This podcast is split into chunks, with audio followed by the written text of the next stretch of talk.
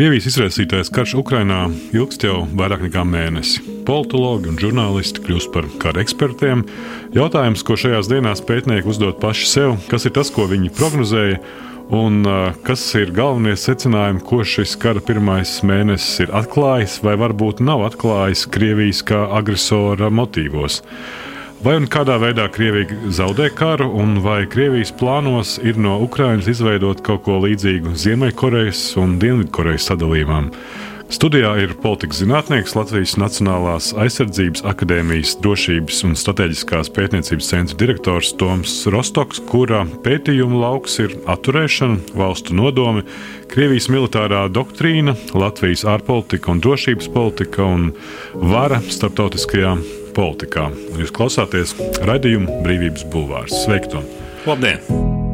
Ivans Krastovs, politologs, New York Times izteicās intervijā, ka mēs visi tagad dzīvojam Vladimira Putina pasaulē. Kādā ziņā tu viņam piekristu vai iebilstu? Es eh, tam nepiekrītu. Šādos pārmaiņu laikos ir um, priekšplānā izvirzās cilvēki, kuri nāk klajā ar tādiem apakaliptiskiem vai ļoti skaistiem teicieniem. Nē, mēs nedzīvojam Putina pasaulē. Mēs dzīvojam faktiski tajā pašā pasaulē, kurā mēs dzīvojām iepriekš.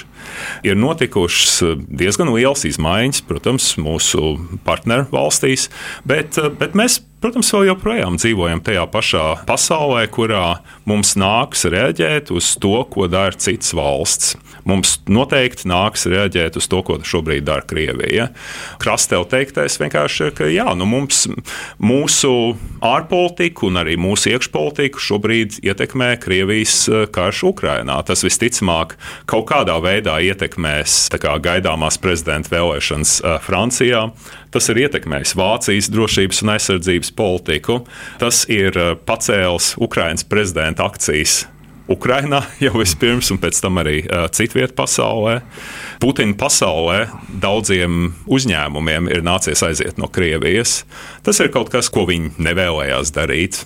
Ko arī droši vien viņi cerēja, ka tas nekad nenotiks, ka nekad nebūs jāaiziet no Krievijas tirgus un ka, ka nebūs šādi iracionāli lēmumi no Krievijas puses, bet nu, tas ir noticis. Daudziem cilvēkiem, uzņēmumiem, arī varbūt politiskajām partijām dzīve ir mainījusies. Krievijas pēcdienestu pētnieks Belenkas žurnālists Kristo Grozevs, kurš nulekā sniedz interviju bezmazliet pēdējām neatkarīgajām preses izdevumam Krievijā Novai Gazeta, kur arī šobrīd jau pārtrauc eh, drukātās preses eh, darbību.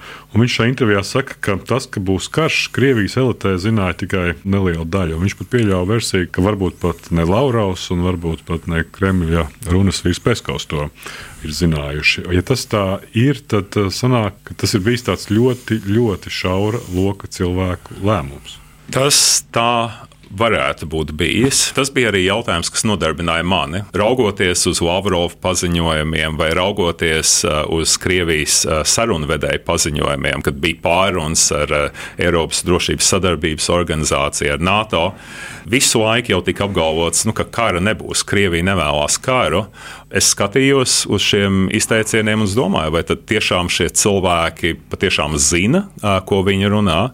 Protams, ja tu gatavojies sākt karu, tu to mēģinās kaut kā noslēpt. Bet no otras puses, tev ir jābūt gatavam karot. Un gatavs karot tu esi tad, kad tava armija zina, kāda ir viņas uzdevuma. Un tagad sanāca tā, ka Krievija nevarēja īsti noslēpt to, ka viņi gatavojās iebrukt Ukrajinā. Savukārt Krievijas paši karavīri īsti nezināja, ka viņi iebruks Ukrajinā. Un tas sliktākais no abām pasaulēm noslēpums patiesībā nav bijis noslēpums, un tavi paši bruņotie spēki īsti nav bijuši gatavi tam, ka, ai, patiešām būs karš. Ja tas ir tāds ļoti šauras elites nu, līmenī pieņemts, tad ir jautājums, kas ir šīs elites motivācija. Staņdārzs Galkovskis intervijā bijušam Eho Maskvī vadītājam Benediktovam teica, nu, ka tas drīzāk ir tāds suicidāls katastrofas akts, kas vairāk ir balstīts zemapziņas līmenī. Viņš teica, ka taureņi lido uz liesmu. Uh, bija viņa poetiskais izteiciens par šo situāciju, nu, mēģinot saprast šoigu vai motivāciju vai tam līdzīgi, šo pietuvināto cilvēku loku motivāciju. Ir grūti izdibināt, kas notiek cilvēku um, prāta dzīvēs, bet uh, par um, aptuveno kara plānu es domāju, mums bija diezgan liela skaidrība, vai vismaz mums šobrīd ir diezgan liela skaidrība. Krievijas militārā operācija balstījās uz virkni pieņēmumu. Viens no pieņēmumiem bija, ka Krievijas bruņotie spēki ir ļoti stipri un ļoti labi sagatavoti. Un mēs tagad zinām, ka tas tā īsti nav. Bet es pieņemu, ka cilvēki Krievijas elitē domāja, ka Krievija armija ir spēcīga. Varbūt daļa no viņiem zināja, arī pašā augšā. Nu, sliktās ziņas parasti līdz augšai nenonāk. Bet varbūt arī cilvēkiem pašā augšā bija šaubas par Krievijas uh, militāro varenību. Bet, um, ja tādas šaubas ir bijušas, tad um, tās nekādi nav ietekmējušas uh, kara plānošanu. Bet viens no pieņēmumiem bija, ka jā, Krievijas armija ir spēcīga. Un tad ir tā otra daļa, kas ir um, stāsts par to, kā Ukraina tika uztverta Krievijā. Nu, atkal ir, ir grūti spriest, cik lielā mērā viņi paši tam ir noticējuši. Putins, Šoigu, kas nu vēl tur ir tajā šaurajā lēmumu pieņēmēja lokā. Bet uh, pieņēmumi par Ukrajinu droši vien bija tādi, ka Ukraina ir krietni vājāka par Krieviju. Pat ja Krievijai kaut kas nesanāk no sākuma, Ukraina vienalga kritīs. Varbūt viņi domāja vēstures analoģiju kategorijās. Nu, tā tad valdība Kabulā, Afganistānā, taču krita pagājušā gada augustā, un uh, talibiem pietika tikai beigās pavicināt ieročus. Amerikāņiem pietika pateikt, ka viņi patiešām dodas prom. Un paskat, Afganistānas valdība jau atradās kaut kur lidmašīnā pēc iespējas ātrāk. Varbūt viņi domāja, ka Zaļensks aizbēgs. Tas varēja būt pieņēmums. Un trešā būtiskā daļa attiecās uz rietumiem. Tātad, ja militārā operācija izdodas ātri, ja Krievija sasniedz savus mērķus, tad Rietumi jau visticamāk sankcijas neieviesīs. Ja ieviesīs, nu nebūs tur nekas tāds īpaši sāpīgs Krievijai. Bet man liekas, tu jau pirms kādiem trim gadiem skatījos, teici, ka Krievijas militārās spējas ir. Nu, pārvērtēts. Vai tas nozīmē, ka šajā gadījumā šī propaganda par Krievijas militārām spējām, ka tam ir noticējuši paši propagandas veidotāji? Manas personiskās izjūtas, skatoties uz kara sākumu, man šķiet, bija tā, ka Krievija bija iecerējusi tādu nu, tā šoku kampaņu, jā, nu, ļoti īsu. Bet nošokēt ukrāņus, kas ir tā amerikāņu pieeja, no angļu valodā tas ir laikam tas šoka no, nu, kad mm. militārais pārspēks un tas uzbrukums ir tik spēcīgs, jā, tik iespaidīgs, ka pretinieks nespēja cīnīties pretī. Un Krievija droši vien bija iecerējusi kaut ko līdzīgu ar tiem sākotnējiem triecieniem tiešām visā Ukraiņas teritorijā. Bet nu, tas, kas notika tālāk, jau liecina par uh, šo sākotnējo plānu, kas nu, bija balstīts uz kļūdainiem apsvērumiem. Un Krievijas izpratne par um, militāro varenību, viņa ir kaut kādā mērā balstījusies uz tiem brīnumieročiem, par kuriem Krievijas prezidents ir ļoti daudz runājis publiski. Bet Tad, tā kā tāda mitoloģija jau jā, kļūst, jā, jā, nu, tie, ir tie, ir tie brīnumieroči, uh, kur lielā daļā gadījumā tur, tur nav nekas brīnumains. Vēl viens elements tur ir, ka nu, viss šī Krievijas elite, nu, viņi jau apmeklē militārās mācības, bet militārās mācības ir īpašs žanrs tomēr. Tas ir ir iestudējums. Un, protams, ka Krievijas prezidenta klātbūtnē neviens jau negrib izgāzties, un uh, līdz ar to tie scenāriji tiek izspēlēti kā pēc plāna.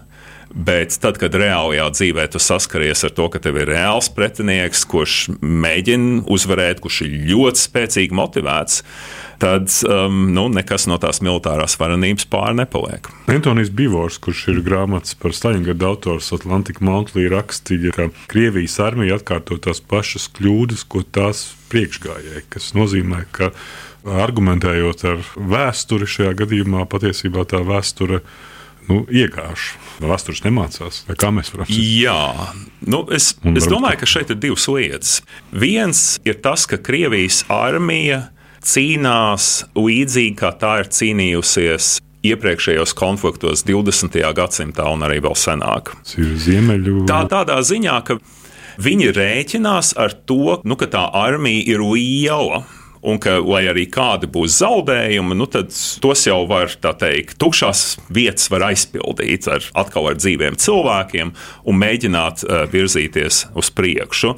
Faktiski ir tā, ka ka arī uzvarētos konfliktos Krievijas zaudējumi ir ļoti lieli. Tā kā pašreizējais karš nav nemaz um, unikāls. Cita lieta ir Krievija šobrīd karo tādā veidā, kādā tā ir karojusi, un arī tādu karu, kādam viņa ir gatavojusies. Bet tā problēma ir tāda, ka mūsdienās, teiksim, agrāk vēl varēja būt tā, nu, tad, kad tu sēdi tankā, nu, tu vari justies diezgan droši, jo tur ir bruņas. Jā. Bet šobrīd pretanku ieroči ir attīstījušies tā, nu, ka tās eh, bruņas sagādā nu, varbūt tādu psiholoģisku aizsardzību. Nav tā, ka Krievija varētu spekulēt uz to, ka mums ir tanki, mēs te tagad braucam, un kurš tam viņus apstādinās? Nu, elementāri apstādinās. Radījums Brīvības Bulvārs. Sarunas par to, kas notiek un ko mēs par to varam domāt. Saruna ar Latvijas Nacionālās aizsardzības akadēmijas drošības un strateģiskās pētniecības centra direktoru politologu Tomu Rostoku. Kā tu pats uzskati, vai nu, šis apgalvojums, ka ik pa laikam šī hipotēze, trešais pasaules karš ir sācies, nav sācies, ko šī definēšana dod un kā tu pats vienmēr definē šo jautājumu?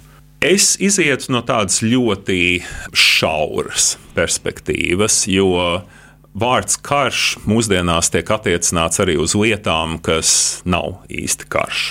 Un, ja mēs runājam par Trešo pasaules karu, tad, lai karš būtu pasaules karš, tajā ir jāpiedalās lielvarām, tā kā vairāk nekā vienai. Putins gan saka, ka viņš nekaro ar Ukrajinu, viņš karo ar ASV.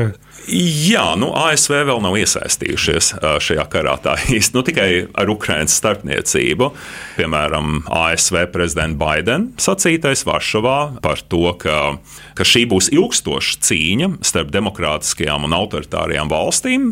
Jā, tam es varu piekrist. Ilgstoša kara darbība vai ilgstoša sistēmas sadursme?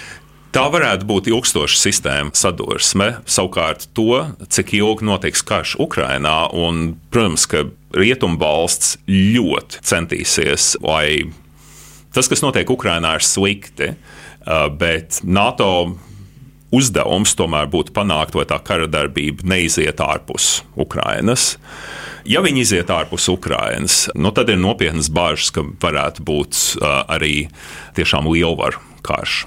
Ko tavuprāt šis karš mainīs pašā Krievijā? Vai Krievija nu, kļūs, daži saka, par fašistisku valsti, daži saka, jau ir kļuvusi par totalitāru valsti, prognozēt 37. gada atkārtošanās scenārijus, sarkano teroru un tam līdzīgi. Kas, tavuprāt, ir scenāriji pašā Krievijā? Es domāju, ka šis ir visinteresantākais jautājums no visiem. Attiecībā uz pašu militāro konfliktu mēs varam pieņemt, ka pats pats ļaunākais ar Ukrajinu vairs nenotiks. Jā, nu, teiksim, ka tur Krievijas spēki iesoļo Ļuvivā, nu, tas nenotiks. Bet ar Krieviju ir ļoti neskaidra, un tai neskaidrībai ir daudz un dažādi iemesli. Tas ir sākot ar politiskā līderu veselību. Jā. Nu, tad nu, kaut kas var notikt šādos uh, kara apstākļos. Tautai kādā brīdī var arī apriepties. Nu, es uz to liels cerības neliktu, bet nu, tomēr tur var būt kaut kāds galma apvērsums. Tur var būt dažādi citi scenāriji, kas ir saistīti ar um, kādā brīdī Krievija paziņo, ka ir uzvarējusi. Un tad tas Putina režīms vienkārši turpina klibot tālāk. Nu, tauta trūcīgāka, naudas mazāk, tie, kuri nepiekrīt, tie ir vai nu izmesti no valsts, vai paši aizbraukuši. Daudz kas var notikt. Nu, teiksim, ja pirms kara sākuma Vladimira Putina politiskā režīma pozīcijas iekšpolitikā bija spēcīgas, tad, manuprāt, šobrīd ir um, parādījušies kādi alternatīvi varianti, kādas alternatīvas iespējas, ka vai nu tuvākajos mēnešos, vai arī tuvākajos gados. Krievijas iekšienē varētu notikt arī izvērtēšana tām neveiksmēm, kas ir ciestas tagad uh, Ukrajinā. Jo, nu, protams, ka ir tā propagandas daļa, jā, bet beigu beigās cilvēkiem arī nāksies skatīties uz to, bet kas tad notika viņu leduskapī. Izvērtēšana kādās aprindās cilvēku galvās, kuras ir pietiekami izskalots, kā mēs redzam, ar, ar patiešām ļoti mērķiecīgu un nu, ļoti rafinētu veidotu propagandu. Kas ir tās aprindas, kurās tas varētu pamazām nostrādāt? Jo ir versijas, nu, ka vienīgais, kas var pārmaiņas izraisīt Krievijā, ir tikai un vienīgi Putina nāve. Jā, tā ir iespēja, bet uz to varbūt būt ilgi jāgaida. Jā, nu viņš jau vēl tīri jauneklīgs, ir jau nu, knapi 70. Tas nozīmē, ka Krievijai būtu ļoti sarežģīti, 10, varbūt pat 20 gadi, einu sazina. Bet, teiktu, tas ir laiks, ar ko principā ir jārēķinās. Nu, sliktākajā gadījumā. Jā, bet nu, teiksim, arī tie cilvēki, kas ir apkārt Putinam, nu, nu, atkal, nu, pārāk daudz noziegumu ir tikuši pastrādāti, jo neba nu viņš viens. Teiksim, tie cilvēki, kas ir ārpus šī šaurā loka, viņu dzīves apstākļi varētu pasliktināties. Bet, ja tu esi tuvu varai, tad varbūt ne tik ļoti. Varbūt arī šīs ekonomiskās sankcijas radīs jaunas iespējas, jo, piemēram, literatūra par ekonomiskajām sankcijām norāda uz to, ka Tur, kur tās sankcijas pastāv, tad cilvēki, kas ir pietuvināti varai, viņi kontrolē arī mm, šo te, nu, nelegālo tirdzniecību, kontrabandu pāri robežai. Tās ir jaunas iespējas. Daudz cilvēku uz to tieši tā arī varētu skatīties. Bet, protams, ja tā pīrāga kopējais apjoms ir samazinājies, nu, nu būs neapmierinātība. Bet jautājums ir tikai, vai tā neapmierinātība nokļūs līdz uh, augšai vai nē. Tad attiecībā uz Latviju. Nu, es pārskatīju Latvijas ārpolitikas institūta gada grāmatu, kurā Latvijas vadošie ārpolitikas pētnieki nu, analizēja iepriekšējo gadu un pats rakstīja, ka aizsardzības nozarei nozīmīgākie darāmie darbi 22. gadā ar ko īpaši neatšķirsies no darāmajiem darbiem 21. gadā. Nu, laikam mēs to tā vairs nevaram teikt. Es domāju, ka tie darāmie darbi bija labi zinām jau iepriekš. Pirmkārt, tas ir personāls alls. Mums ir vajadzīgi drusciņu lielāki bruņoties spēki. Tas nenozīmē, ka mums katram ir jāaiziet militārais dienests, bet mums ir vajadzīgi vairāki tūkstoši klāt zemesardzē un profesionālajās uh, vienībās. Tas vienkārši ir nepieciešams. Jau diezgan sen bija zināms, ka mums ir vajadzīga labāka gaisa telpas aizsardzība. Protams, mēs varam paļauties uz, uz mūsu sabiedrotajiem un uz viņu gaisa spēkiem, bet uh, Baltijas valstīs ir vajadzīgas kārtības spēcīgas pretgaisa aizsardzības sistēmas, un mēs ļoti labi redzam, cik ļoti tās sistēmas ir nozīmīgas Ukrajinā. Jo Krievijas kara aviācija nav ieguvusi pilnīgu kontroli pār Ukraiņas gaisa telpu. Viņi tur baidās lidot, jo īpaši helikopteri un arī Ukraiņas um, iznīcinātā lidmašīnas. Viņi vēl joprojām lido, viņi sagādā problēmas uh, Krievijas gaisa spēkiem. Ja? Tā kā viņi nevar lidot tur uh, pa Ukraiņu kā pagadās. Tas ir baigs svarīgi.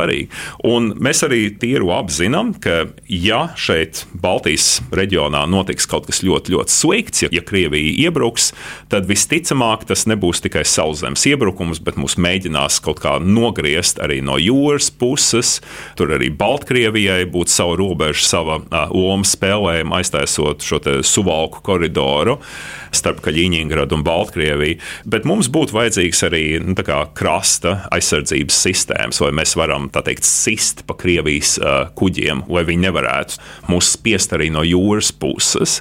Un tas viss ir ļoti svarīgi, un mēs zinājām jau iepriekš, un es domāju, ka tie arī ir tie darbi, kas ir darāmi nākotnē. Šādā ziņā nekas tā baigi daudz nav mainījies. Tas, kas manuprāt ir mainījies, ir tas, ka cilvēki varētu drusciņi citādāk skatīties uz, piemēram, dienas zemesardzē. Pirms šī kara sākuma nu, ja tu dodies zemesardzē un tu gatavojies aizstāvēt savu valsti, tad pret Krieviju nu, tas, ir, psiho, tas varētu būt psiholoģiski smagi. Daudz cilvēku teiks, ka jā, bet tas ir jādara, un viņi to arī darīs. Bet citiem tas varētu būt psiholoģiski smagi, bet, bet šajā situācijā Ukrāņi var arī nu, tā kara mašīna austrumos, viņi nav neievainojami. Mēs tagad labāk zinām, kā mēs viņus varētu sist, ja viņi pie mums iebruktu.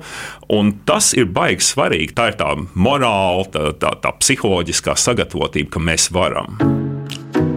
Atturēšanu galvenokārt veids NATO alianses, nevis Latvija viena pati. Baltijas valstis nevar vienas pašas atturēt Krieviju, jo militāro spēju disbalans ir milzīgs, un tas ir par labu Krievijai.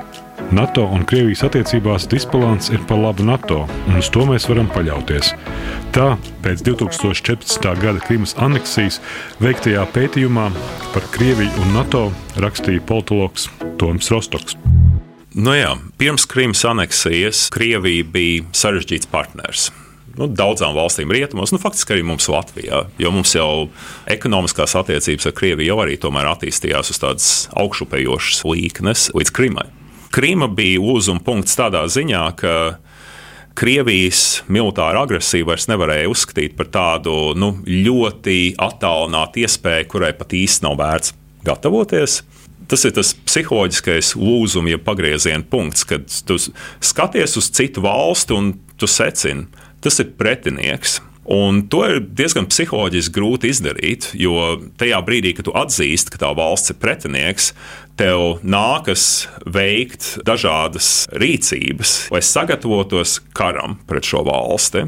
NATO ietvaros tas ir bijis gana smagi, jo, manuprāt, arī pēc Krīmas daudzas valsts skatījās uz Krieviju aptuveni tā, ka, jā, nu, tas Krievijas prezidents ir tāds oportunists. Nu, tur pēc um, Janukoviča bēgšanas Kijavā bija nu, tāda politiska nestabilitāte, nu, un tad Krievija izmantoja šo iespēju ogu un pagrāba Krimu. Bet neko vairāk jau viņi nedarītu. Nu, viņi taču nesāktu ielu karu. Jā, līdz ar to jā, Krim bija pagrieziena punkts, bet nu, tas īstais pagrieziena punkts ir šobrīd. Piemēram, Vācijā jau tas īstais pagrieziena punkts ir noticis tikai tagad, jo pirms tam taču Nord Stream tika virzīts uz priekšu bruņoto spēku attīstībā tur bija diskusija par to, nu, vai tad mums vajadzētu tērēt aizsardzībai 1,51 vai 1,52%. Es domāju, ka ir noticis pagrieziena punkts. Nu, šobrīd izskatās, ka Es lasīju, ka Šalca nesot uh, kanclers pat tos 500 soļus aiztaigājis līdz uh, Berlīnas centrālajai stacijai, kurā ierodās Ukraiņas bēgļi, lai apskatītos un satiktu viņus. Nu, jā, nu, uh, tas ir. Um, es domāju, ka Vācijai ir garš ceļš ejams. Tā, uh, lai būtu lidmašīnas, kas lido un kuģi, kas ne tikai peld un turās uz, uz ūdens, bet arī spēj karot. Tur ir ļoti, ļoti daudz darāmā. Bet, bet vienlaikus ir arī šie strateģiski svarīgie lēmumi par labu uh, lidmašīnu iepirkšanu un, un tā tālāk. Tos nav iespējams padarīt par kaut ko nebijušu, ja ka nekas tāds nav bijis. Bet attiecībā uz atturēšanu, pēc tam, kad ir noticis tas psiholoģiskais lūzums, ka jā, tas ir pretinieks, mums ir jāveic pasākumu, lai kara gadījumā mēs varētu cīnīties un iespējams, ka uzvarēt. Jā, nu, cerams, ka uzvarēt. Pēc tam ir jautājums, nu, kurš tad to atturēšanu veids? Un atturēšana balstās uz militārajām spējām. Viņa balstās arī uz teiksim, citām lietām. Jā, nu, mūsu sabiedrība, ja viņa ir pietiekami noturīga, tad tas arī ir tāds faktors, kas mūs stiprina. Bet tālāk ir šis jautājums, kas ir jādara Latvijai? Kas ir jādara dažādiem mūsu NATO partneriem. Un tad ir jautājums arī par to, cik lielā mērā atturēšanu nosaka dažādu faktoru kombinācijas. Nu, piemēram, ja Krievija iebruktu Baltijas valstīs, tad agresors parasti vēlas, lai viņš kontrolētu eskalāciju. Tātad es sāku konfliktu, es viņu eskalēju, bet es viņu gribu pabeigt uz saviem nosacījumiem. Un tā Krievijas problēma ar NATO ir tāda, ka, ja Krievija iebrūk Baltijas valstīs, viņa visticamāk nevarētu konfliktu pabeigt uz saviem nosacījumiem. Tad jau, kad tā teikt, džins ir izlaists no pudeles, kad karš ir uzsākts, viņu ir grūti dabūt atpakaļ, un ar to Krievijai būtu jārēķinās. Jo šeit ir ļoti daudz nezināmo. Tātad šeit ir trīs Baltijas valsts. Cik viņas ir militāri spēcīgas, cik prasmīgi viņas varētu pretoties, un nu, nav tik vienkārši, jā, kad, ka mēs zaudētu pāris dienu laikā. Tā tas gluži nav ir Polija, ir ASV faktors, tad ir eh, ko darīs Eiropas Savienība, citi mūsu NATO partneri, kā rīkosies Zviedrija un Somija. Un beigu beigās to nezināmo Krievijai ir tik daudz, ka visticamāk negribētu sākt šo militāro konfliktu ja viņi jutīs, ka viņi nespēs to pabeigt uz saviem nosacījumiem. Un, protams, NATO ir kodola alianses, jā, tad trīs kodola valsts, un tas ir baigais risks. Es nedomāju, ka Kremlī tomēr tie cilvēki ir pašnāvnieki.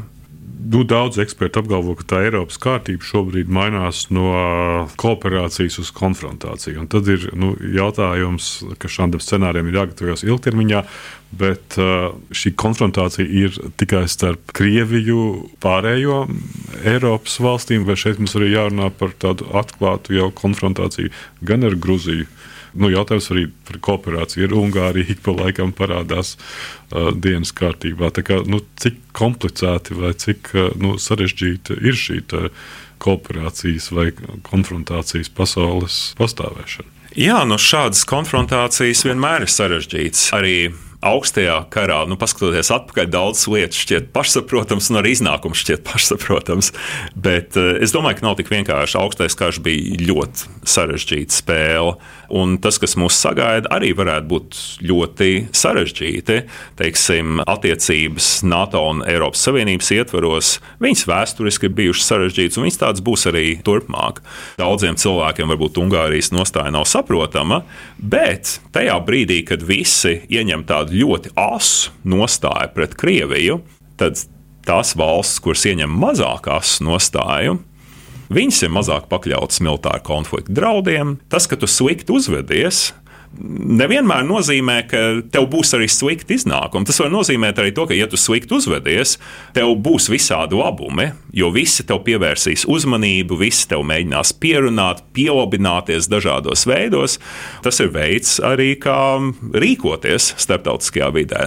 Nu, mēs te gatavojamies palielināt aizsardzības izdevumus, bet ir virkni valstu, kuras to negrasās darīt, jo Krievija tomēr ir tālu no viņām. Un, uh, Zināmā mērā to var saprast, bet šī pati problēma pastāvēja arī augstākā laikā. Tā kā pagātne bija sarežģīta, un nākotne jau arī gan būs sarežģīti. Bet daži saka, ka nevar veidot tādu pretnostatījumu kā augstākā laikā, jo pasaule ir, nu, ir sarežģītāka. Traucē globālā ekonomika, kas izriet no tā, ka bizness nevar tikt atdalīts no ārpolitikas vai drošības interesēm un tam līdzīgi. Jā, mūsdienās, protams, tā savstarpējā atkarība starp Krieviju un Rietumiem ir bijusi nu, daudz lielāka, protams, nekā pastāvēja starp Padomju Savienību un, uh, un NATO dalību valstīm. Un tas pats attiecās arī uz ASV un Ķīnas sacensību. Tur jau arī ir milzīga ekonomiskā savstarpējā atkarība. Bet um, nu, mēs arī redzam, ka šādos izšķirošos pagrieziena punktos valstis pārstāja ieguvumus un zaudējumus vērtēt uh, monetārā izteiksmē. Mums ir ne tikai ekonomiskās intereses, bet mums ir arī savi principi, no kuriem mēs īsti nevaram atkāpties. Un uh, skaidrs, ka mēs palīdzam Ukrainai, cik vien mēs varam, Un mēs to darām neba no ekonomiski interešu dēļ. Un tāpat arī Krievijas iebrukums Ukrajinā. Viņš jau nav saistīts ar ekonomiskajām interesēm. Tur var būt kaut kas minimāli. Tas ir seks tādai Krievijas eh, impēriskai domāšanai. Krievija nespēja hroniski nespēja uh, uztvert savus kaimiņus kā suverēnas valsts, kas būtu pelnījušas nedaudz cieņas. Šī cieņa vienmēr parādās vārdos, varbūt, bet viņa jau neparādās darbos. Un, uh, diemžēl ir tā, ka nu, Krievija nespēja sadzīvot ar saviem mazākajiem kaimiņiem. Šie mazākie kaimiņi meklē atbalstu citur. Tā ir Krievijas traģēdija šobrīd. Es domāju, ka Ķīnai tur būtu ļoti, ļoti daudz ko mācīties. Nu, neatkārtot šādas kļūdas. Paldies! Tas bija raidījums Brīvības Bulvārs, un uh, studijā bija Latvijas Nacionālās aizsardzības akadēmijas drošības un strateģiskās pētniecības centra direktors Toms Rostoks. Uh, Radījumu ierakstīja Toms Šits un montēja Nora Mitspo. Paldies, Paldies par sarunu! Brīvība ir brīvība, nevienlīdzība vai taisnīgums, vai kultūra vai cilvēks laime. Tā teica Iesai Berlīns.